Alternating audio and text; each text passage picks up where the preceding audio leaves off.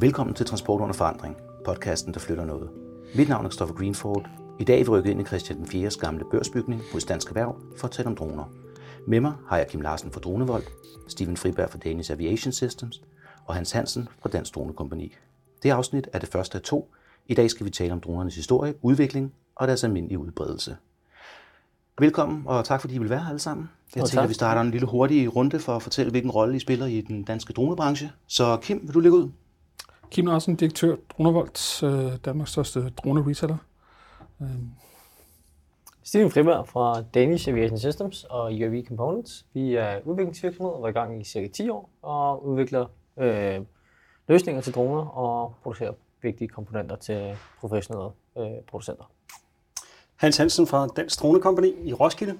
Vi er droneoperatør og har været med i fem år efterhånden. Mm. Øhm, vi flyver med droner, øh, og så udvikler vi software, som gør, at vi kan præsentere de data, der opsamles med droner.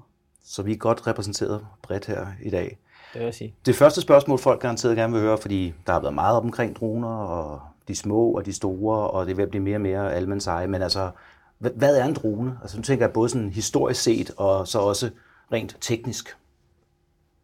Jamen altså, ordet kommer jo arbejderbi, mm. så man kan jo sige sådan, at øh, det er jo en, en, en flyvende tingest, som man sætter ud og løser en opgave og kan klare den selv. Det er jo nærmest, hvad skal man sige, definitionen af ordet drone, fordi det kommer fra arbejderbi. Men øh, i dag så er det jo, øh, man ser det tit som sådan nogle helikopter, men det kan også være sådan nogle fastlingefly, som øh, flyver ud og løser nogle opgaver, som man kan gøre på en smartere og en billigere måde, end man har kunne gøre før. Og det er jo på grund af de teknologiske muligheder, som der er der, men også på grund af, at øh, hvad hedder det, øh, nye sensorer og, og, og nye øh, arbejdsmetoder og processer, som det gør, det, det giver mening. Så ubemandet er vel heller ikke irrelevant Nej. at nævne, Nej. at der er jo ikke nogen mennesker ombord på de her, om, om det er så et fly eller det er en kopter. Og der er jo også historisk set været nogle andre øh, udtryk omkring den, og det er måske især for deres militærbrug, hvor man kalder et UAV, en UAS eller forskellige ting der. Ja, man kan jo sige, at øh, faktisk så fløj øh, den første øh, ubemandede øh, flyver faktisk cirka 10 år efter den første flyver fløj. Det var i cirka 1914. Der sendte den første sted, dengang var det helt mekanisk. Og ja. hvad skal man sige, forskellen på sådan militærmæssigt et, en, et missil og en drone er sådan set heller ikke særlig stor. Mm. Det er mest bare, hvad dens funktion er i dens arbejde. Så øh, droner har faktisk været brugt rigtig mange år i forsvarsindustrien, og går man tilbage i nogle af de lidt større krige i moderne tid, øh, Vietnamkrigen osv., der fløj man faktisk med aktivt med, med ubemandede fly til rekognoscering. Øh, det er blandt andet den teknologiske udvikling af komponenter og, mm. og hvad skal man sige, øh, performance, der er kommet ned i pris, mest på grund af mobiltelefonindustrien, som det gør af sådan nogle MEM-sensorer, som man Om du lige skal forklare, hvad er. som øh, man finder eksempelvis i sin telefon, mm. så hvis du vender den, så kan du se, hvordan den orienterer luften. Eksempelvis en MEM-sensor, jamen den er jo på størrelse med en lillefingernegl, men hvis du kigger sådan 20-30 år tilbage i tiden, så brugte man nogle øh, lidt større, øh, hvad skal man sige, IMU'er, de kunne godt være større på størrelse med en god stor kuffert. Mm. Så ændring af, hvad skal man sige, performance og størrelsesforhold, men selvfølgelig også prisen. Så en sensor i sig selv koster måske et par dollars i dag, hvor okay. dengang så var det mange, mange tusind dollars. Ja. Øhm, Det er jo den samme historie, vi har set inden for computer med chip, der bliver mindre, og Ja. alle sådan nogle processerne, der gør det også. Ikke? Så er der selvfølgelig også det med batteriteknologien, og så også processorerne lige pludselig har den kapacitet til at kunne, til at øh, kunne lave de beregninger mm. til at løse en, og øh, flyve en flyverute helt af sig selv. Mm, mm, mm. Jamen, øh, det gør jo lige pludselig, at øh, det er billigt at producere, og det gør også lige pludselig, at det kan komme mere ud i den civile befolkning. Mm, mm, mm. Så der var de sidste 10 år, der har vi set rigtig meget med det. Men du kan også se det samme de sidste 10 år, der sker rigtig meget på smartphone-markedet. Ja. Øhm, Ja, så det meget af det teknologiske udvikling følges ad. det er en direkte afledt effekt, ja. kan man bare sige. Det er meget sjovt, du siger, når der er, hvor lang tid der er, er siden, at de begynder at komme ud. Når man så tænker på, da jeg var lille, jeg er en stor sci-fi-nørd, det er der garanteret også flere omkring det her bord, der er, at, øh, at man så de her fremtidsvisioner omkring dronerne, men i virkeligheden så var de jo mere eller mindre iblandt os, bare i en eller anden form. Øh, så så visionært var det jo så heller ikke. Men øh, droner, det er jo blevet, øh, blevet mange ting fra øh, Leitos dronerne, fra specielt sådan noget som Elgiganten og Power ser vi dem. Og så er der Kim, dem du sælger, som er en øh, lidt anden kaliber. Vi Hvad er har, det indenfor? Vi har DRI, som er en kinesisk producent. Verdens største, ubetinget største, sidder på nok noget lignende 90 procent af markedet ja. for, for, hvad skal man sige, consumer og entry-level uh, enterprise droner. Og så, øh, så har vi to linjer, vi selv laver. En Aerial Tonics fra Holland, og vi har vores uh, dronevolt i, uh, i Paris. Øh, og det, det er Enterprise, som, som, som kommer til at bære læsset i fremtiden. Okay. Øh, jeg synes, vi ser en trend på, at consumermarkedet er absolut nedadgående. Okay. Øh, de sælger færre og færre, færre. Er det nyhedsværdien, der er, er ude nu? Hypen, her, eller? er, hypen er gået af den. Ja. Øh, den, den var lidt længe end, længe end de der segboards, og hvad man ellers havde, men, ja. men, men det, det er det samme, der sker. Altså folk har prøvet det. Øh, mm. Nu skal de videre prøve noget andet. Og man kan sige, der er vel også noget omkring lovgivning i, så vi kommer ind på i anden afsnit, der også har begrænset folks entusiasme om det. Men prøv at give mig sådan en overblik med prisspændet på de droner, du har. Ja, de droner, vi har med GPS i, de starter ved, ved, ved 3.500. Og når jeg siger med GPS, så betyder det, at, at slipper du kontrollen, så ja. bliver den hængende i luften det samme sted, og venter egentlig på, at du fortæller den, hvor du skal gå hen. Mm. Øh, hvis du tager de små, som ikke har GPS, så er der mange af dem, øh, især jo billigere du kommer hen, som, som kan finde, ud af, finde på at flyve væk. Øh, simpelthen følge vinden. Øh, det er jo på ingen måde sikkert. Og det, Ej, det, er, det, er, det, er, det er legetøj, og det, det opererer vi ikke i. Mm. Øh, det er den slags, øh, det, det, det, ja, mm. det, Men jeg vil sige, de fleste de forbinder jo nok de her mere private droner med sådan noget som en Phantom 4, sådan en fire rotor drone. en fantastisk drone, flyver ekstremt øh, sikkert i, i luften, og hvad skal man sige, kommer så, så, så nok kun ned af sig selv, hvis der er en, en fejl fra, for det mindste en fejl fra operatøren. Ikke? Hmm. Altså det er, det, den vi kører nu, den Phantom 4, som de fleste kender, den her hvide, hvide quad-drone. Øh, ja, vi, vi er ude i nummer 7, øh, årgang 7 af den, eller sådan noget. Det, mm. det er syvende version, de har sendt på markedet nu her for nylig. Øh, og det, det er bundsolidt og sikkert øh, udstyr. Ja, ja. Og så er det vel også samtidig med efterhånden, som de udvikler sig, bliver lidt sjovere, og de kan noget mere, og kameraerne er bedre, så begynder prisen også at gå op til et leje, hvor forbrugerne så ikke kan være med længere. Men det vil, det vil både godt og, godt og ondt, ikke? Altså. altså man kan jo også kigge på DJI's udvikling de sidste 3-4 år. Jamen, de er jo faktisk startet øh, forbundet af og arbejdet sig opad med Enterprise. Ja. Øh, det er jo sådan set, man kan sige, at jeg vil tro, at øh, dengang Phantom 1 kom, jeg tror, den lå på en 12-1300 kroner, og så er det bare arbejdet sig opad, hvor en, en Phantom 4 Pro, der sådan noget, koster en 8-10.000 i dag. 12, 12, 12 undskyld. Ja. Så hvad hedder det, øh, man kan se, at de har i hvert fald også arbejdet sig op for bunden af, og, og, og man kan også se, at de også bliver ramt af, at tingene koster selvfølgelig noget, det er jo, det er jo mm. smartere og bedre, det skal være. Og det er jo, det er jo ligesom den afledte effekt af, at det skal kunne noget mere. Mm. Det bliver det også dyre. Og samtidig så kan man vel sige, med, vi lige nævnte med lovgivningen før, altså at før, man var jo tidligt bange for, at nu skulle der være droner over det hele, og man fløj ind, og privatlivets fred, og alle de der forskellige ting. Det vil sige, det, er jo, det lyder til, det er faktisk en lille smule ved at løse sig selv, så hvad vi skal sende en lille budskab til øh, de politikere, der kunne finde på at lytte her, og så sige, at øh, måske er også tiden også til at kigge lidt mere på og sige, jamen dronerne bliver jo nu anvendt til det, som vi blandt andet, vi kan jo sige, at vi alle sammen er fra brancheforeningen Drone Danmark, en del af Dansk Erhverv, og øh, sige, at hvis vi kommer derhen, så er der måske ikke de helt så store udfordringer igen. Det er muligt. Jeg synes faktisk, det er rigtig interessant, det du siger, det der med, at, at nyhedens interesse på droner er sådan ved at aftage, og mm. at der ikke bliver solgt så meget på. Fordi det er jo lidt det, som vi møder som operatører, når vi opererer i byer, fordi det er i byer, du vil operere, fordi ja. det er der, der er objekter, du gerne vil, eller typisk der, du gerne vil øh, flyve den drone for at indsamle noget data. Ikke? Og øh, der er jo selvfølgelig nogle brødne kar øh, hister her, men der er også mange private og folk, som, som bare erhverver sig en drone, fordi du, som du selv siger, det er jo super simpelt at kunne komme øh, forbi Elgiganten eller Power øh, og erhverve sig en drone, øh, og så sætte den op. Og, og det er der virkelig også nogen, der gør, men, men, øh, men, men vi har en lovgivning, som sidst blev revideret i sådan i, i væsentlig omfang for to år siden, mm-hmm. sidst, eller sommeren 2016, ikke? Jo. Og øh, der tror jeg nok, at man, eller det ved jeg, at man prøvede ligesom at align den med, hvad der kommer fra EU øh, sidst på året, eller først øh, næste år, ikke? Jo.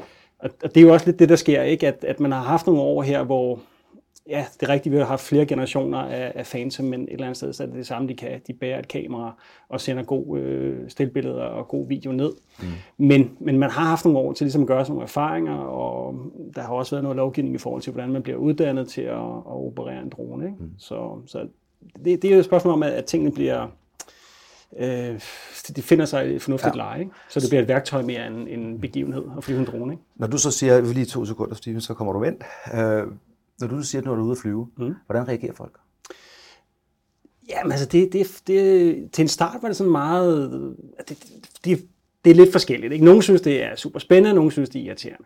Mm. Og det er, hvor folk synes, det er irriterende, det er selvfølgelig, fordi der er nogle dårlige associationer bare ved navnet drone, som vi også snakker om før. Ikke? Mm, mm. UAS, Airpass og så videre begyndte man at kalde det for 4-5 år siden. Men det var selvfølgelig i forhold til det der med, at sidder I nu og, eller fra den her drone, kigger I nu på, hvad jeg foretager mig i min stue. Ikke? Og, Mm. og det er jo, den, man kan sige, den opfattelse er ligesom ved at, at fortrænges lidt Ja. af, at folk godt kan se, at det er smart, at vi har dronen til den her taginspektion. Vi har lige afsluttet en kæmpe taginspektion mm. Ja. i Helsingør, og vi har lutter mødt positive øh, Ja. øh, reaktioner fra folk, der kommer ud og så siger, jamen det er da super smart, man skal det, mm. at man ikke skal have fat i en lift eller et stilas, men man kan se det på de her øh, billeder, som vi får ned fra Ja. droner. Men så sige, jeg tror også, at noget af lovgivningen, som nu vi i gang arbejder på for at åbne lidt mere op, har jo også været, at man har haft en fornemmelse af, at der var frygt ude blandt befolkningen. Så jeg kan huske øh, sidste år omkring den her tid, så lavede SDU en, øh, en undersøgelse, der viste sig, nu må I lige rette mig, men var det over 80, var det omkring 90 procent eller noget, som ikke havde noget problem med droner, så længe at de vidste, at de var der, på grund af, at det var professionelle operatører, der var reguleret og under ordentlige forhold. Og det kunne vi simpelthen sige til dem, jamen det er det inde i byen. For der er nogle regler, som vi taler om senere, for man flyve der. Ja, det, er, jo- det, er jo, det er jo rigtigt. Det er det, der, det er det, der er problemet. Det er, hvis folk kan se, at der står en gut ude med en vest på, som ved, hvad han laver, Ja. øh, så er de mere nysgerrige i, hvad du laver. Men står der en gut derude i et øh, cowboystøvler og no- nogle shorts, øh, og, og bare står og racer rundt i luften, øh, så bliver folk mere nervøse. Ja, eller du ikke kan se operatøren, Du kan ikke se, væk. hvem han er Altså, måske, eller, eller lignende. Ja. Øh, og vi kan jo se alt det her snak om, om, om lufthavnen også, hvor de, hvor de får droner ud. Altså, det er jo ikke de professionelle operatører. Det er jo heller ikke de lovlydige danske øh, borgere, som går i Power eller Elgiganten, eller kommer ud til os og køber en drone. Det er jo ikke dem, der kommer ud. Det er jo alle de her brødende kar, de her gutter, som er fløjtende ligeglade med, hvad, mm. hvad reglerne er. Øh, og der er heldigvis meget langt imellem dem. Ja, altså vi har jo gået fra en, en stor udvikling også teknologisk set, hvor vi kommer de her brøndende kar og så videre. Hvis man kigger på hobbymæssigt, jamen før i tiden der fløj folk jo øh, modelfly. Og øh, det var jo tit for sådan nogle, hvad skal man sige, entusiaster Ja. og lidt nørde folk, og noget lim og noget træ, og, og, og, og hvad skal man Den sige... lille noget- udskårne pilot ind i cockpittet. Præcis, og- præcis. Ja. Men folk har altid, jeg er ret sikker på, at hvis du spørger alle salg, folk synes, det er rigtig interessant og spændende. Der er bare ikke særlig mange, der har lyst til at prøve at stå med den der kontrol, fordi de vidste, at hvis de gjorde en ting forkert, så faldt lortet i, i, i, ned i jorden, og så gik Ja. det stykker, og så skulle man bruge øh, tre weekender på at sætte det sammen igen, for at kunne prøve to minutter mere. Det er det. Og øh, det er sådan set gjort i dag, jamen der kan du få næsten de samme penge, hvad det vil koste at bygge sådan en, en modelflyver, jamen der kan du få en færdig drone øh, over i Leicesters-klassen, hvor du kan sætte et par briller på øjnene, og så kan du se på den, og så kan du føle som om, du bevæger dig rundt som en, en fri fugl. FPV-brillerne. FPV, præcis. Ja. Og det er så også forankret sig øh, fra lave nogle forgreninger, som eksempelvis man kalder for quad race, hvor man ligger og flyver race med det. Der er nogen, der ligger og, og laver, hvad skal man sige, verdensmesterskaber og den slags. Men så er der også bare dem, som der bare er entusi- entusiaster, og så er der dem, som der ligger i de her brøndende kar mellem og prøver at lave nogle erhvervsmæssige ting for at tjene nogle håndører, øh, uden at være en erhvervsmæssig pilot. Og hvad skal man sige, de giver jo nogle problemer, fordi de måske ikke sat sig ind i, hvilke risikoer de tager, Mm. men også, hvad skal man sige, hvad, hvad sådan en operation, hvad, hvad den indeholder, og hvad der skal ja. gøres for at kunne øh, for at øh, fuldføre sådan en operation med, med, med, med lavest mulig risiko. Og det er, jo, det er jo ret vigtigt, at det er segmenteret ordentligt. Mm. Vi begynder også at have noget historik nu. Altså, vi har været i gang i...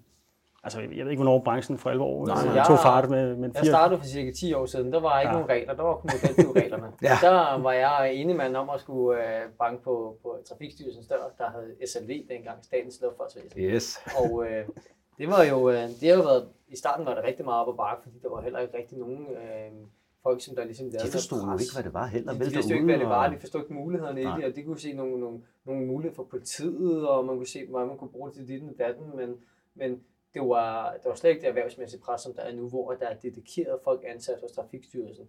Hvorimod for dengang, jamen, så var der en, som der lige gjorde det med, med, med venstre hånd, øh, Mhm. ved siden af nogle andre opgaver.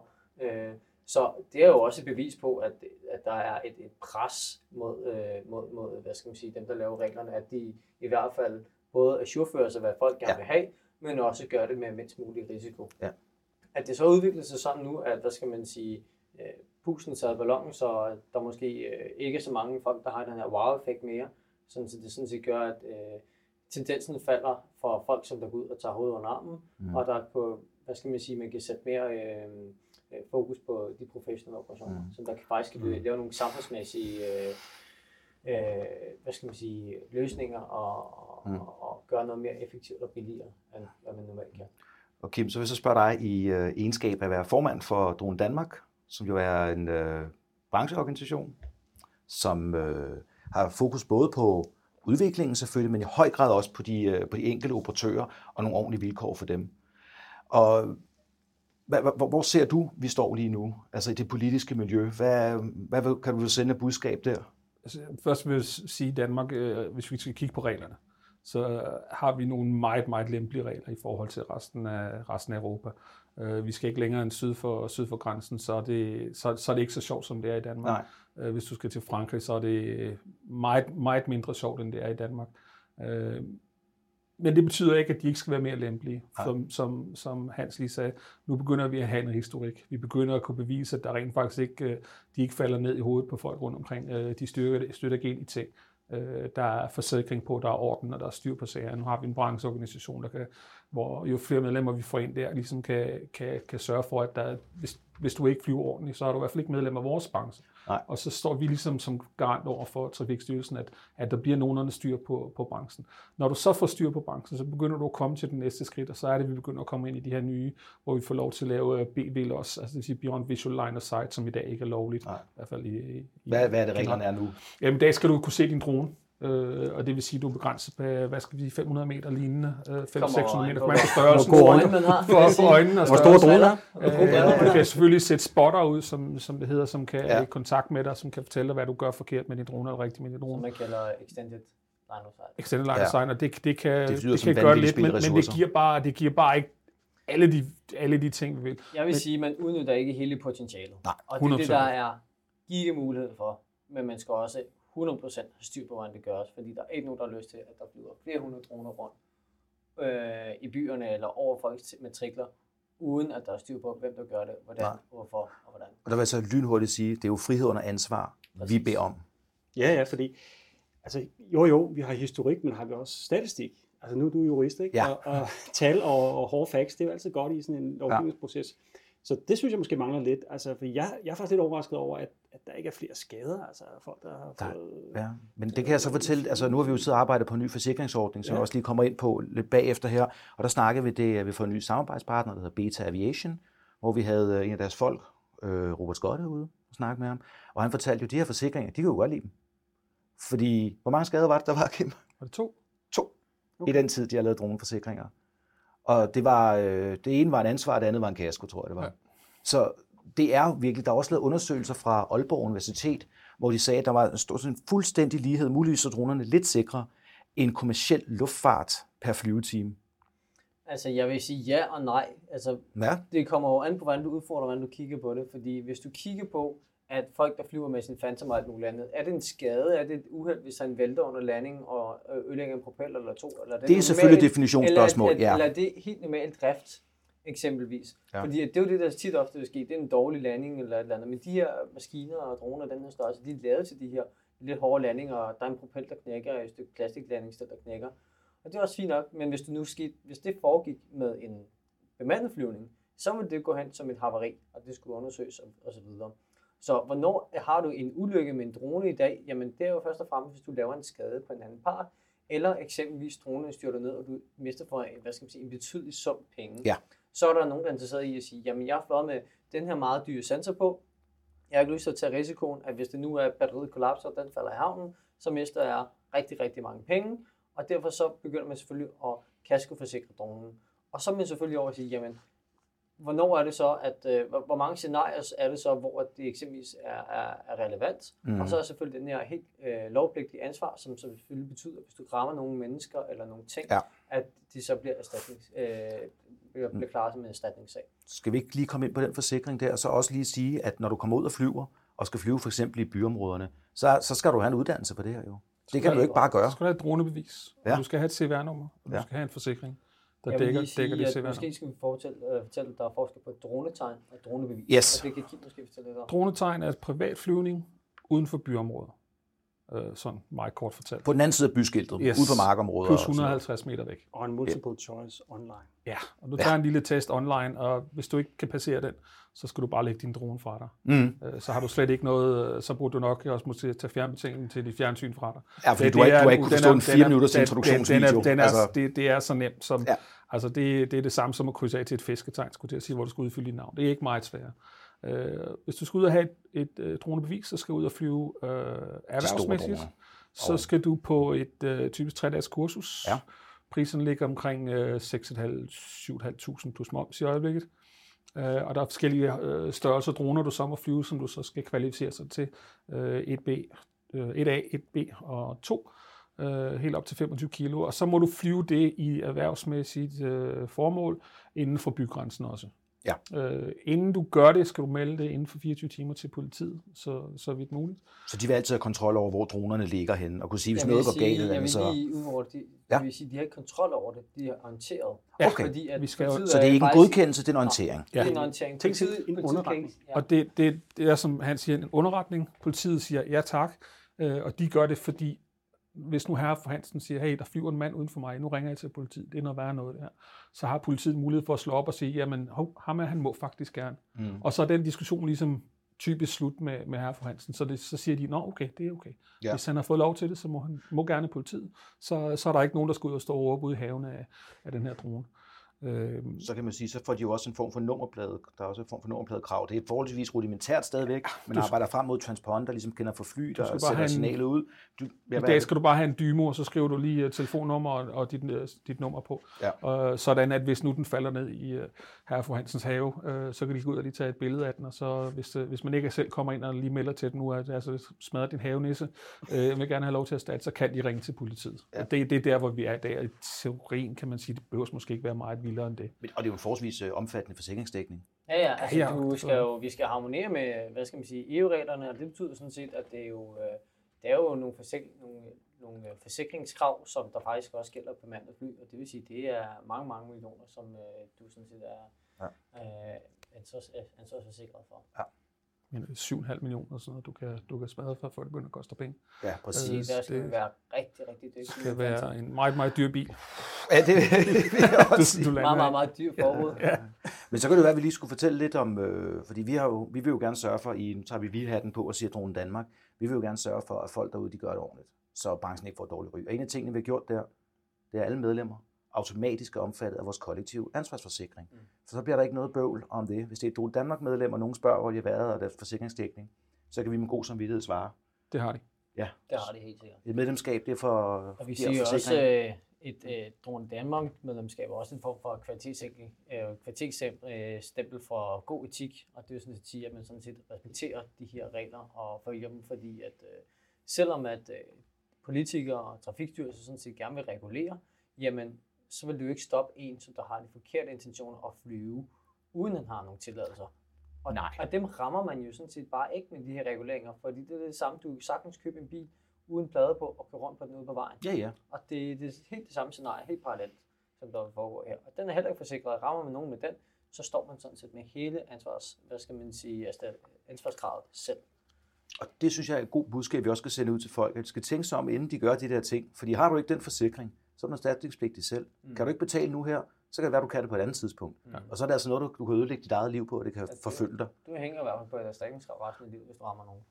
Nå, jeg vil hoppe over til potentialet nu her for dronerne. Vi så her for et år, et andet siden, en øh, rapport, der kom ud, der snakkede om, det var 15.000 arbejdspladser i Danmark, og det var, var det 150.000 på europæisk plan. Jeg kan se, at jeg bliver smilet lidt her i studiet. Og derfor så vil jeg stille det her brede spørgsmål ud nu her. Det er, at øh, jamen både det og EU-strategi og andet, er det øh, varm luft, eller er det Der, der, blev kastet, der blev kastet med nogle store terninger, den der, da de skulle, de skulle finde det tal, ikke? Og det er også en utaknemmelig opgave, ikke? At, at kigge, øh, altså ny teknologi 10 år frem, ikke? Hvad er der potentiale i det? Ja. Men, men jo, altså, øh, jeg synes allerede, jeg har hørt de der tal for tre år siden i virkeligheden, ikke? Og, og i dansk kontekst, der var det en, en, øh, altså det, var, det var en fremskrivning, han har sagt, øh, med, med en vis procentdel af de europæiske tal i dansk. Nu er du også, nu er du også på lang sigt. Det er jo 2040, tror jeg det er. Op til 2040. Der er også mange af de afledte effekter, vi husker, hvis vi glemmer at komme ind på. Hvad er de afledte effekter af den her droneteknologi? Jamen det er jo de komponenter, det er jo den software, det er ting, der bliver brugt til, til førerløse traktorer, førerløse biler og Præcis. alt muligt andet, som hvad skal man sige, kan være en gråzone i definitionen, hvad kom først, men man kan i hvert fald sige, at dronerne kom før de førerløse biler, og hvad skal man sige, ud i det kommersielle brug. Mm. Og øh, hvad skal man sige, meget af den, øh, hvad skal man sige, logik og software og sådan ting, er meget lige, og det siger, at der er også mange øh, erfaringer fra mange forskellige sensorer, der bliver fuset sammen, som hedder sensor fusion, som øh, man vil også vil, vil se i, i de her teknologier som ubemandede køretøjer. Og øh, afledt effekt, jamen vi er nok alle sammen sikre på, at den dag, du begynder at kunne køre helt autonomt i din bil over ja. det hele, jamen der har der også været rigtig, rigtig mange arbejdspladser dagen over. Så der er jo nogle afledte effekter, ja. 15.000 arbejdspladser lige her nu, nej. Men over, hvad skal man sige, 20-30 år fremadrettet, ja, også med det afledte. Det kan godt lade sig gøre. Og så er der det klassiske spørgsmål det. Hvis vi nu siger, at det bliver realiseret, det potentiale, er det så øh, jobs, der forsvinder fra øh, os samtidig? Altså, du siger, der er 15.000 her, men er der forsvundet 50.000 et andet sted, fordi at øh, hvis du lige pludselig ikke skal bruge landmålere mere, eller folk, der skal op og lave taginspektioner manuelt? Og, øh... Jeg vil sige sådan historisk set, at øh, bare fordi at du effektiviserer, så betyder det ikke, at du ødelægger noget, det du skaber faktisk nogle helt nye muligheder. Du kan bare se, at der begyndte at masseproducere biler til, for omkring 100 år siden. Jamen, ja, det kan godt være, at dengang var der jo måske 200-300 bilproducenter, og bagefter var der en, en 10 stykker. Ja. Men øh, hvad, det, det, altså, vi ser jo stadig stor produktion i dag, bare med nye områder, fordi det betyder sådan set, at vi kan bruge folk mere effektivt til at løse mm. nogle arbejdsopgaver, mm. i stedet for at de skal rende rundt og lave noget, du kan gøre på en smartere måde. Ja, der er nogen, som der bliver trådt over tæerne, de mister ikke deres job, de skal bare omstille sig til nogle nye ting. Og det er sådan, vi gør. Hvis vi stod i stampe, hver gang der kommer noget ny teknologi, så vil vi heller ikke udvikle os som civilisation. Nej, jeg er sådan set enig, og det vil sige, nogle af de jobs, som der, man har set det største potentiale til, det er de der triple D jobs. Mm. Det er dull, dirty and dangerous. Det er jo de jobs, man skal, man skal ud og se på. Blandt andet så en ting, jeg er meget begejstret for, som vi er også i gang med et samarbejde med øh, Trafikstyrelsen om, det er anvendelse i, inden for beredskabet til redning til brand, mm. hvor vi selvfølgelig arbejder på, at det også kan komme ud til private aktører, så vi også kan få en fordel af det, at øh, det offentlige ikke holder det tæt på kroppen. Men det er så en af vores politiske mål her. Men jeg synes, det er en fantastisk potentiale, det her. Altså at sige, vi arbejder blandt andet med et, øh, det bliver standardscenarier, hvor man siger, når vi har testet noget, så må man så gøre det bagefter den private også. For eksempel brand i et hus. Hvorfor skal du sende brandmand ind for at tjekke, om der var nogen op på den etage eller ej, når dronen vil, vil kunne gøre det? Og du får allerede kortlagt området og filmet og sendt tilbage til indsatslederen, mens han sidder i bilen på vej derud.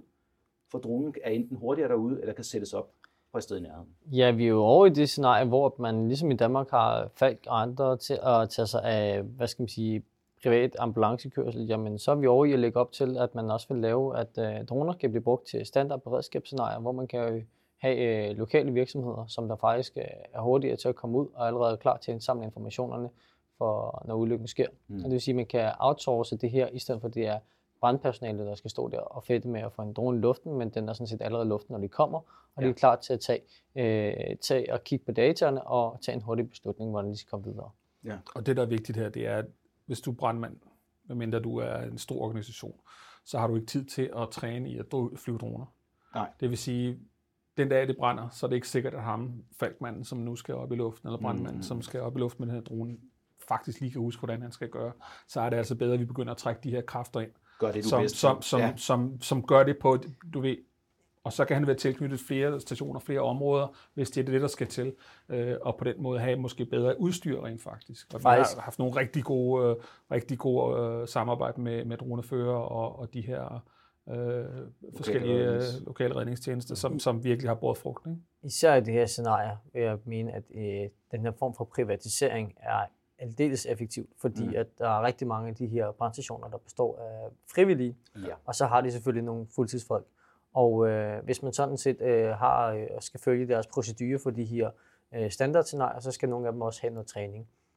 Hvis alle folk skal, øh, de frivillige plus dem, der er fuldtidsansat, skal ligge og holde den her træning ved lige, jamen så vil det gå ud over andre arbejdsopgaver. Og derfor er det både samfundsøkonomisk være meget billigere, men faktisk har nogle underleverandører, som der kan være til stede, øh, når det kommer frem. Og i det her scenarie giver det rigtig, rigtig god. Ja, plus den der øh, akkumulerede erfaring, ikke? Som, som opstår jo. i de der miljøer, hvor man tester de her nye teknologier af. Fordi det er rigtigt, du kan jo godt få et nyt værktøj i form af en drone, som måske overflødiggør nogen, eller hjælper andre, eller mm-hmm. så videre. Ikke? Men, men alle jobs er jo heller ikke lige, vel? Altså, når, vi, når vi snakker om de her øh, scenarier for, hvor mange jobs det vil, det vil kunne skabe, så er der nogle jobs, der er mere spændende end andre. Ikke? Altså der, hvor vi kan gå ind i Danmark måske og få en industri op og køre omkring det her, og måske en eksportindustri sågar, jamen det er jo, det er jo fantastiske jobs. Udover at det er højt mennesker, jamen så er det også godt for betalingsbalancen. Så hvis man kunne føde noget af den her erfaring ind i noget produktudvikling, og det er jo lidt det, som er, er historien, ikke? når skoletænderne ja. holdes, og, og de der rapporter, de besøges, og, og der uddeles nogle forskningsmillioner. Ikke? Mm. Det er jo netop perspektivet i, at, at Danmark kunne få en position der. Og der har jeg nok lidt sådan, at, at igen og igen, så er det over nul i, i dansk droneindustri. Vi kigger altid fremad, ikke? Oh, og ja. først så skulle vi producere droner, og så skulle vi producere sensorer. Det skal vi også, ikke? Den vil jeg godt tage fat i også, og så okay. sige, at nu snakker vi her, at syv år henne siden det for alvor begyndte, som jeg lige tænker over det her. Ja. Og jeg hørte igen her til et arrangement for nogle måneder tilbage, at øh, jamen, det var den spæde start, sådan og sådan. Og der er jeg nødt til at sige til branchen, altså nu må man også kommercialisere sig selv. Man kan ikke vente på, at mulighederne kommer ind, at nogen kommer og siger, vil du tage et billede? Vi har fundet, at man kan bruge dronen til det her. Det er branchen selv, der skal gå sammen og udvikle nogle ting, både med komponenterne så fra Steven og fat i nogle IT-selskaber, som du siger, du også udvikler nogle mm, programmer mm, og den slags. Så vi skal simpelthen ud og gøre det. Der kommer jobsene. Jeg ja. tror ikke på, at de kommer før. Altså jeg vil sige, at historisk set, så er Danmark jo ikke en luftfartsnation. Nej. Vi har haft øh, KZ, som der, hvad skal man sige, har lavet fly for mange, mange år siden. Hvis man kigger på uh, nogle af vores, uh, hvad skal man sige, nabolande, som ja. Frankrig og England og Tyskland. Sverige og Tyskland, de er jo nogle luftfartsnationer. Ja, ja, ja. Uh, vi bliver nødt til, hvis vi skal sådan set holde, uh, hvad skal man sige, uh, hvis vi skal holde fokus, og vi skal lave noget, der kan lave en eksport, så skal vi desværre ikke vifte for, for at stå med armene, fordi så bliver vi ikke gode til det hele. Nej. Vi bliver nødt til at finde nogle specifikke områder, og så skal vi tage dem, hvor det er, at der er, hvad skal man sige, lavere konkurrence, men hvor vi kan dygtiggøre os. Og det dygtiggør vi os på sådan en felt, så de andre ikke har lyst til at gå ind i det. Og på den måde, så vi skaber sådan noget, noget eksport, som det gør, at, hvad hedder det, øhm, at vi ikke øh, skal ligge og konkurrere med kineserne på et eller andet tidspunkt, og, ja. og, og, og gøre, at vi kan blive altså, ved med... Kampen, med DJI kan, er tabt for de der små Ja, droner, ja vi kan godt sige, at kampen er tabt med DJI på selve drone, hvad skal man sige, øh, produ- produktionen selv af, ja. af, af helikopteren yes. eller, eller dronen, men det er den jo ikke over for sensorerne, eller måske nogle kommunikationssystemer, ja. eller nogle algoritmer, eller mange andre ting, som andre de gør brug af. Altså det vil sådan sige, så længe vi kan beskytte den her IP, og så længe mm. vi kan være øh, førende med den, så vil vi også kunne eksportere den. Ja. Vi skal bare ikke slå et brød så stort op, at vi vil stå og sige, vi vil bygge droner, vi vil bygge det hele, vi vil bygge autonome biler og alt muligt andet, fordi Danmark er heller ikke en, en, en, en, øh, en. Vi, vi er en stor industrination. Vi, vi, vi, er, vi er ikke nogen stor industrination, og vi har heller ikke nogen stor historie med at bygge køretøjer, ligesom nej, Sverige nej, nej, nej, nej. Og, og Tyskland har alt muligt andet. Så vi skal jo sådan set fokusere på de områder inden for det, der giver mening, hvor vi kan holde en eksport, fordi det er meget, meget dyrt og øh, dygtiggøre folk gennem mange generationer, fordi det er, det er mange års erfaringer med at bygge biler og fly og, og, og så videre. Det er det. Men det er, også, det er også at tage det til sig og bruge det. Hvis vi tør åbne for lovgivning, og man kan begynde at se fra andre lande, at vi bruger det, så den erfaring, vi har fået med det, den er altså også penge værd. Det er, det er noget af et eksportpotentiale. Og derudover, så er der også en, øh, en, en nyere generation end de gamle mænd, der sidder her i dag, minus Steven, som, øh, som ligesom tager det til sig mere fra skolen af, eller du, nej, droneræs, det kunne godt blive noget nyt og interessant, i stedet for at du sidder og spiller computerspil. Skridtet er ikke langt derfra. Det er Folk måske bare endnu mere aktivt. Folk kommer jo i det mindste ud af det, ja. øh, uden for det, og desuden så lærer de også lidt om, hvad skal man sige, mekanikken og hvad der foregår, og det kan jo sådan set skabe nogle potentielle ingeniører. Ja. Øh, og hvad skal man sige, hvis der er noget, som vi, hvis vi ikke kan, hvis vi ikke kan være konkurrencedygtige på produktion, jamen så bliver vi nødt til at være konkurrencedygtige på viden. Ja. Øh, og det vil sige, at vi skal dygtiggøre os. Og det starter allerede helt nede i, i de unge år med interesse. Fordi ja. det er den måde, du skaber nogle folk, som der er, øh, hvad skal man sige, har den rigtige nysgerrighed og, og engageret til det, det, det, det vi vil fortsætte Sælger I sådan nogle klassesæt, Kim? Ja. Med droner? Det er et koncept, vi lige skal have kigget lidt på der. men det, men det, det, vi skal, det, vi skal gøre, det er, at Danmark er ekstremt uh, innovativ, og vi er ekstremt kreativ. Men vi er ikke produktiv. Nej, og, men det er heller ikke det, vi skal, som du siger, det er ikke det, vi skal. Nej.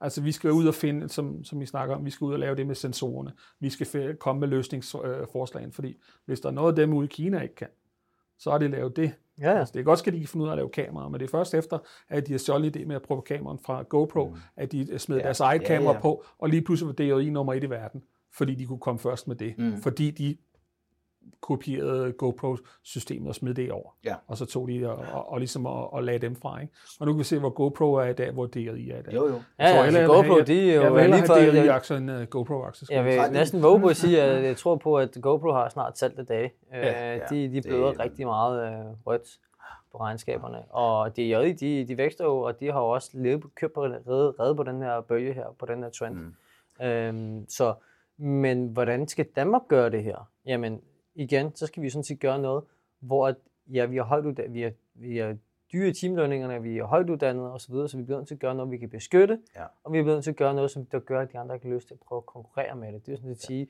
noget, hvor vi har en, en, en edge, vi skal have en fordel. Mm. En af de ting, det er jo blandt andet, at vi også har mulighed for at kunne teste tingene af. Så vi Det skal i hører hvert fald have grundstenene. Danmark som testland på Vi skal blandt andet have grundstenene, Ja. ja. og, og det er sådan set gør, at folk der har lyst til at teste nogle ting af i Danmark, og det er sådan set sige, at vi kan få nogle, nogle hurtige erfaringer fra nogle af de andre, som der måske skal igennem et par års byråkrati, før de kan få testet det her. af.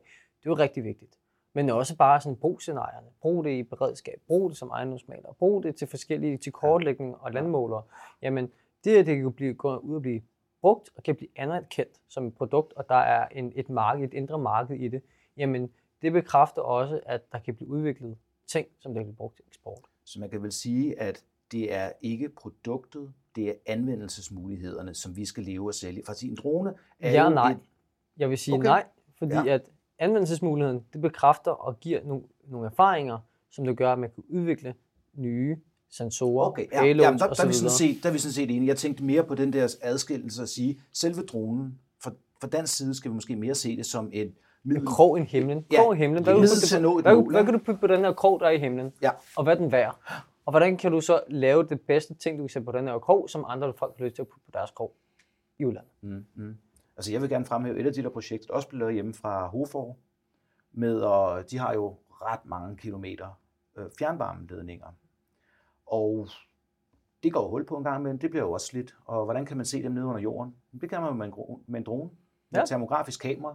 Og de fandt der både ud af, at de kunne finde udslippene og hullerne hurtigt og få dem lavet, men de fandt også de steder, hvor de kunne se, inden for de næste 3-4 måneder vil der ske noget. Så for en brøkdel af de penge, det vil koste, og, og altså at lave det, plus den gene, det vil give til nabolaget, så åbnede de bare op og forstærkede. Mm. Altså det er jo, det er jo endnu et godt eksempel på, øh, hvordan man gør det, og det er de her eksempler, øh, jeg, jeg tror, vi skal have. Og det, det er faktisk en af de største, øh, som jeg ser, en af de, de ting, hvor vi er stærkest i Europa lige i øjeblikket. Der har vi en, et, et, et oceansk firma, som, som virkelig er på forkant med det her, og som jeg tror rykker ret hurtigt, ret snart. Ja. Øhm, Vi kan vel godt nævne det. ja, det Drone navn. Systems. Ja, Drone Systems. Øh, og det er, det er virkelig, øh, de, de, der, der kommer til at ske noget. Det eneste minus, der er ved det, det er, at de har måske fire eller fem måneder om året, hvor de, hvor de kan flyve, fordi de har en ground temperature, som skal være øh, over 17, Ja, ja. Øh, for, at de, for at det term- termografiske kamera øh, kan fungere. Men til gengæld de fem måneder, der laver de altså heller ikke andet end at, at, flyve. Altså Nej, nej. næsten, næsten 24 Så har vi også udfordringen vind og vejr herhjemme, ikke? Jamen Jo. altså, eksempelvis fordelen med eksempelvis termografi. Jamen først og fremmest, så kræver det, at man har gjort det og fået nogle erfaringer, så man faktisk ved, hvordan under hvilke forhold. For eksempel, du kan ikke bare flyve med et termografisk kamera og finde ud af det her. Først og fremmest, så skal jordtemperaturen have den rigtige temperatur, og så skal selvfølgelig sol, vind og vejr skal være som det, på det, være, hvad skal man sige, det rigtige, og så skal sensoren være indstillet ordentligt, og du skal vide, hvad du skal kigge efter. Og på den måde, så kan du tydeligt se det, du gerne vil finde. Men at komme det til, det er jo, kommer med erfaringer og test, Ja. og derefter, så er der sådan nogle virksomheder som Hans, som der eksempelvis skal lave noget, hvor det kan blive præsenteret, hvor man helt eksempelvis bare øh, smider de her data ind i et stykke software, og så præsenterer og siger, her, her, her og her skal I køre over og lave det. For det er jo også en ting, vi lige vil bringe op. Det er den enorme mængde data, du kan opsamle på den her måde, frem for alle mulige andre, øh, for eksempel en biloptælling på en vej, med de ordentlige ting i, der kan se forskel på bilerne. Find ud af, jamen der var 10% varevogne, der var 17% det og alt muligt andet. Fordi de kan jo, de, løber, de genkender jo bare, og det går bare stærkt med den data, så den skal opsamles, skaleres og anvendes. Mm. Hvor, hvor, hvor er vi henne med det? Altså jeg hører nogle gange, at problemet er, at det er så stor mængde, at du ikke kan skalere den og bruge den mm. ordentligt. Jeg vil sige timing. Fordi hvis det nu var, at Facebook eller droner var her for, var i det omfang, som det er nu, var der for 20 år siden, Mm. så ville det heller ikke kunne ekspandere, som det var nu på grund af infrastrukturen, bare til dataen. Altså så stor mængde data. Dig, at du skal sidde på et 56k modem og sende lige- 150 det er jo lige det. gigabyte data til en kunde. Følger med. Altså, det, det, er- det handler jo om timing. Men det er også et spørgsmål om at, at flytte sin, sin proces, øh, fordi nu, nu, nu taler vi trafiktælling. Den måde, det foregår i dag, det er, at du, kører, du flyver op i luften, og så har du enten en drone, der hænger længe ved, ved hjemme af tether, det vil sige, at den får strøm via kabel, eller du har to droner, som skifter op og ned, og så tager du en masse film, og så går du hjem og propper din computer. Det skridt er vi tr- trådt over.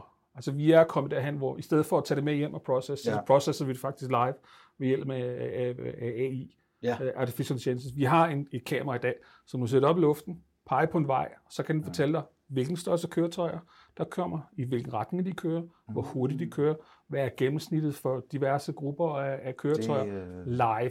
Det glæder mig Det til vil at sige- høre endnu mere om på, i anden afsnit, fordi Det- der er simpelthen mindre på transporten af det, men det er, det er virkelig, virkelig spændende, fordi det har givet store udfordringer. Øh, Og det tidligere. findes i dag nu. Jamen, det tror jeg, der er mange derude, der ikke ved, så det får vi lige øh, Altså det, det har et, et dejligt navn, der hedder Edge Computing. Edge Computing betyder sådan set, at du klarer processering, hvad skal man sige, helt i front, og så sender du kun resultaterne tilbage. Præcis. Og forklare det lige sådan helt basis, hvad Jamen, ordet for, for Edge Computing, det, det er jo ikke, om han skal komme ind på det det. kan jeg. Nej, det, det, det, det, det, det, var mere det, der du siger med projektering og data og så videre. Nej, altså, altså, forklare, det- hvad, hvad er processen? Du har jo en, nogle tunge mængder data, og de øh, bliver processeret helt ude, hvor der du indsamler det, og så sender du kun re- resultaterne tilbage. Og på den måde, så øh, hvad skal man sige, ender du ikke på samme med, med, øh, på det samme type flaskehalse, som du gøre på, Nej. hvis du skulle gøre det på den mere konventionelle måde, hvor du indsamler de her videodata, og så sender du de her videodata tilbage. Det er jo, en- det er jo store filformater, det er store datamængder, og så skal de op processeres på en server op i skyen. Ja, ja, du har jo, det er jo neurale net og maskinlæring, det her, ikke? Eller machine learning, som, som sker. Og, og vi er der, hvor vi har så kraftige processorer, som vi kan sætte dem helt ud, og vi kan have dem op i luften. Så, så den her klassificering og tælling og så videre, den sker i computer vision softwaren allerede, når det fanges. Mm. Så det data, der rører tilbage, jamen, det er jo sådan set et tal. Og klassifikation af de enkelte klumper trafik, som er, har passeret den her rundkørsel. I stedet for, at det er 4K-billeder, fordi at så skal vi senere kunne gå ind og analysere de her. Mm. Det, det klarer simpelthen helt ude, i, øh, helt ude, hvor data fanges, kan man sige. Ja.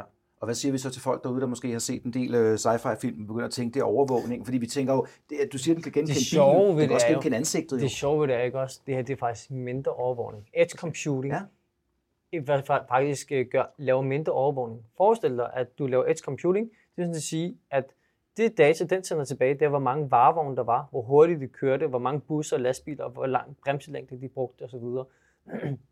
Det tal, de bliver sendt tilbage. Så sidder nogen og kigger på en rapport, kun ud for de her tal her. Hvis det nu ikke var edge computing, og det foregik på den anden måde, jamen så er der set scenarier, der sidder folk og tæller de her biler, det vil sige, at de sidder og kigger på videoen på en skærm, så slår en streg hver eneste gang, kan genkende ting. Her fjerner vi faktisk helt mennesker fra, mm. for, for, for, for, for loopet, og så faktisk kun kigge på rent data. Og det sker faktisk allerede, når det sker helt ud i Edge, det er sådan set at sige, det sker ude på dronen, ja. så fjerner vi også, øh, hvad skal man sige, Konteksten. konteksten Ja, for, og, og, og og, og, og, privacy, Ja. og privacy, Ja. sådan så det er, at folk de ikke kan føle sig krænket, fordi at de data bliver ikke engang gemt, Nej. de bliver faktisk kun processeret, de bliver knust, talknust. Det vil sådan set sige, de løber igennem en masse flotte, dygtige algoritmer, øh, og AI og machine learning, som der sådan set finder ud af, hvad er resultatet af det her, og så sender det tilbage. Der, der bør simpelthen være et krav om, at øh, man anvender edge computing til sådan noget her, fordi de der streger, hvor bliver de sat? Indien, typisk, Ja, ikke? Så sender du sådan øh, to gange to timers videofeed til Indien Ja, ja. fra et, øh, fra et kryds øh, Ja. ja. i, i Lyngby, ikke? Det kan have en kommersiel værdi et andet sted, og man kunne lave en kopi og sælge videre jo, hvis Ja, det præcis. skulle... Øh, Ja, ja, altså jeg vil sige, at edge computing laver, giver faktisk bedre privacy-forhold, og faktisk mindre krænkelse af privatlivsfred. Mm. Og så er det også mere optimeret, det i form af, at vi kan sende, vi, vi, vi, vi løber ikke ind i flaskehalsproblemer med data og så videre. Så øh, her til sidst i vores første afsnit, så går vi lige en bordrunde, der hedder øh, to ting. Hvilke opgaver ser I i fremtiden, som rigtig kan rykke noget? En ting, dronerne kommer til at lave. Og øh, to, hvad er det bedste råd til branchen derude til at komme videre? og som I kan høre, det er ikke noget, jeg har forberedt dem på på forhånd, Ah, okay. så vi vil have ærligheden frem nu her. Jeg, der, der, hvor vores virksomhed øh, satser højst, det er, det er, det er sikkerhed. Øh, og, og, og så kommer vi ind i det ord, der hedder overvågning. Men øh, der, der, der er en årsag til, at der er overvågning rundt omkring. Så det er der, vi satser, satser, satser mest. Det er, det er simpelthen overvågning. Mm. Og det er både militær, det er politi og civil. Ja. øh, af forskellige, øh, forskellige ting. Jeg kan ikke komme ind på, Nej, hvad, det... hvad vi vil, men, men, men det er der, vi satser vores, øh, vores øh, hvad skal man sige, indsats ja. øh, på, på både droner og, og payloads. Fordi der tænker jeg også, der har været meget snak om, at der er utroligt meget tyveri fra entreprise, øh, entreprenørselskaber ude for deres byggepladser, som gerne vil for eksempel have en tethered drone hængende ja. der om natten og filme. Men som reglerne er lige nu, så øh, er det besværligt. Så det kan jo være opfordring for dig til at sige, at hvordan kommer vi videre? Jamen, så kigger vi på de her regler og sørger for at få sikkerhed omkring den data. Den skal jo selvfølgelig ikke anvendes forkert eller ryge de forkerte hen. Præcis, og det er, der, vi, det er der, vi er på vej hen med de her kameraer, som, som simpelthen processer det, de ser derude med det samme. Den, det vil sige, det skal ikke, der skal ikke sendes en, uh, eller recordes videofilm nødvendigvis. Uh, og hvis det endelig er, så bliver det, bliver det sendt sikkert til en server, som sørger for at overholde ja. uh, dataloven med en til, hvor lang tid de holder det, og, og hvad, hvad de bruger det til. Ikke? Ja, så, så i virkeligheden så er det det, at man siger, at man vil forhindre, at tingene sker. For eksempel, folk kan se dronen, ved den er der, det bliver meldt ind, der er hurtig respons, yes. frem for at sige, hvem er det, der bare stjæle, ham går vi ud og finder bagefter. Ja. Okay. Steven? Jamen, jeg vil sige, at vores fokus, det er jo, som sagt, at udvikle nye ting. Det vil sige, øh, være med til at finde nye applikationer, og som mm. sagt udvikle de her produkter, som der faktisk, hvor vores fokus, det er reliability. Det, er sådan at sige, det er professionelle produkter, som der har fuld feedback i, øh, både når vi taler om motorstyring og servoer og kontrolsystemer og så videre. Det er sådan set at sige, ligesom du kender fra din bil, den kan ja. fortælle dig fejl, og du kan fortælle, at din, du skal til service og så videre, så kan de enkelte komponenter selv lave det, der hedder selvdiagnostik. Det er sådan set at sige, de ved, hvornår de vil være slidt, eller hvornår det skal skiftes på, på proaktiv vis. Jeg vil sige, vores fokus, det er jo nok at, at slippe data fri. Mm-hmm. Altså, det lyder spændende. Det er altså, man siger, der har den største værdi for firmaer. Ja, det tænker jeg. Eller det har vi i hvert fald erfaring for. Og det, det handler om, at det er jo super simpelt at flyve en drone i dag. Øh, det, det, når man har været på sådan et godt kursus der, så kan man godt få den i luften. Men det, der så sker, det er, at du tager hukommelseskortet ud af den her drone, og så kopierer ja. du det over på fællestrædet. Mm-hmm. Og så er, det, så er det Jørgen, der kender mappestrukturen, og så er det kun Jørgen, der ved, hvor de her data er. Men der ligger rigtig meget information hvornår er de taget, hvor er de taget osv. Metadata. Metadata. Som kan, kan vi, bruges af andre til andre anvendelser. Det, det kan vi tage ind i vores software, så kan vi ja. præsentere den på en fornuftig måde, ja. og, og så er det ligesom lettere at gå til, og det, det er, at forretningsværdien ligesom kommer frem, at mm. resten af organisationen kan gøre brug af de her data. Okay. Og når du siger ikke bare resten af organisationen, men også andre organisationer, som så kunne komme ind og købe noget af den data, er der de har brug for? Det kan man sige, ikke? Altså, vi, vi laver apropos øh, byggepladser, så laver vi en del byggepladser. Og ja. der flyver vi tit og ofte for bygherren. Og han har jo en, en række underentreprenører, folk kan gå, øh, eller som, som hjælper til på den her byggeplads her. Og, og det er jo viden, som han glædeligt distribuerer ud til, til de her andre organisationer, så de bedre kan planlægge deres tilstedeværelse på en byggeplads sikkerhedsmæssigt, øh, mm. rent logistisk osv.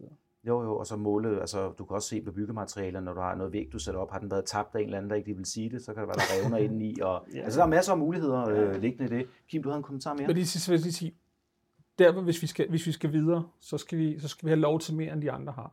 Ja. Og det er det, jeg vil sige. Vores regler er relativt, relativt lempelige i Danmark, men ikke lempelige nok, når vi kommer ud til udvikling. Uh, vores udviklingsfolk, som er dem, som skal skabe de her job, og så videre, de skal altså have lov til at teste deres ting. Mm. Det kan godt ske, at de skal køre til Odense, hvor USS, US Danmark har deres, deres uh, test uh, lufthavn. Det kan godt ske, at de skal gøre noget for det, men vi bliver nødt til at give de der gutter, som sidder over i lufthavnen, fuld mulighed for at give de her øh, udviklere fuld mulighed for at teste deres produkter. Fordi det er der, vi får en edge. Altså, det er et af de steder, hvor vi kan få en edge over alle dem nede i Tyskland. Ja, vi har samarbejdspartnere i Tyskland, som kører til Schweiz for at flyve. I Schweiz har de ingen lov. Nej. Og der er ingen lov om, hvor de må flyve, hvordan de må flyve. Og det er jo heller ikke godt, Men det kan de ikke. Det kan altså, de, bare ikke. de kan bare ikke komme til at teste i, uh, i, i, i Tyskland. Jeg vil sige meget simpelt. Så længe vi har de bedste rammer, så kan vi også godt nå det. Det, det, handler, om, det handler om, at vi har, det, vi har rammerne, for at vi kan, vi, vi, så vi har muligheden for at gøre det. Ja. Fordi at, først og fremmest, hvis du ikke får lov til at teste dine ting, hvis du ikke får lov til at prøve tingene af, jamen så har du en barriere, så får du hvad skal man sige, så mange testresultater. Du får ikke øvet dig lige så meget, du får ikke, får ikke uh, gjort de optimeringer, ja. så man ligesom får man finpudset produkt. Det entusiasmen jo derude. Ja, det kvæler også entusiasme, hvis du skal køre to timer hver gang for, for at prøve noget, eller du skal køre til, til nabolandet for at prøve noget. Ja. Hvor naboen han bare kan smide ud af vinduet, så, så ved han, det fungerer eller ej. Så, ja, i nabolandet, mente det, Og jeg vil så også anbefale alle folk, der har mere interesse og går og kigger på at blive professionel selv, andet, hvis der er spørgsmål, kommentarer og andet, så kan vi altid, er altid velkommen til at kontakte Drone Danmark på www.dronedanmark.eu, hvor at, øh, vores gode medlemmer gerne vil give en hånd med. For det er både politisk, men det er også kollegialt samtidig. Og så vil jeg sige øh, tak for i dag, og tak fordi I vil komme ind, og øh, tak fordi I vil lytte til Transport under forandring. Vi kommer tilbage næste uge med et rent transportafsnit, hvor der også går måske lidt sci-fi og fremtidsdrømme i det. Men øh, tak for i dag. Og tak. Så tak.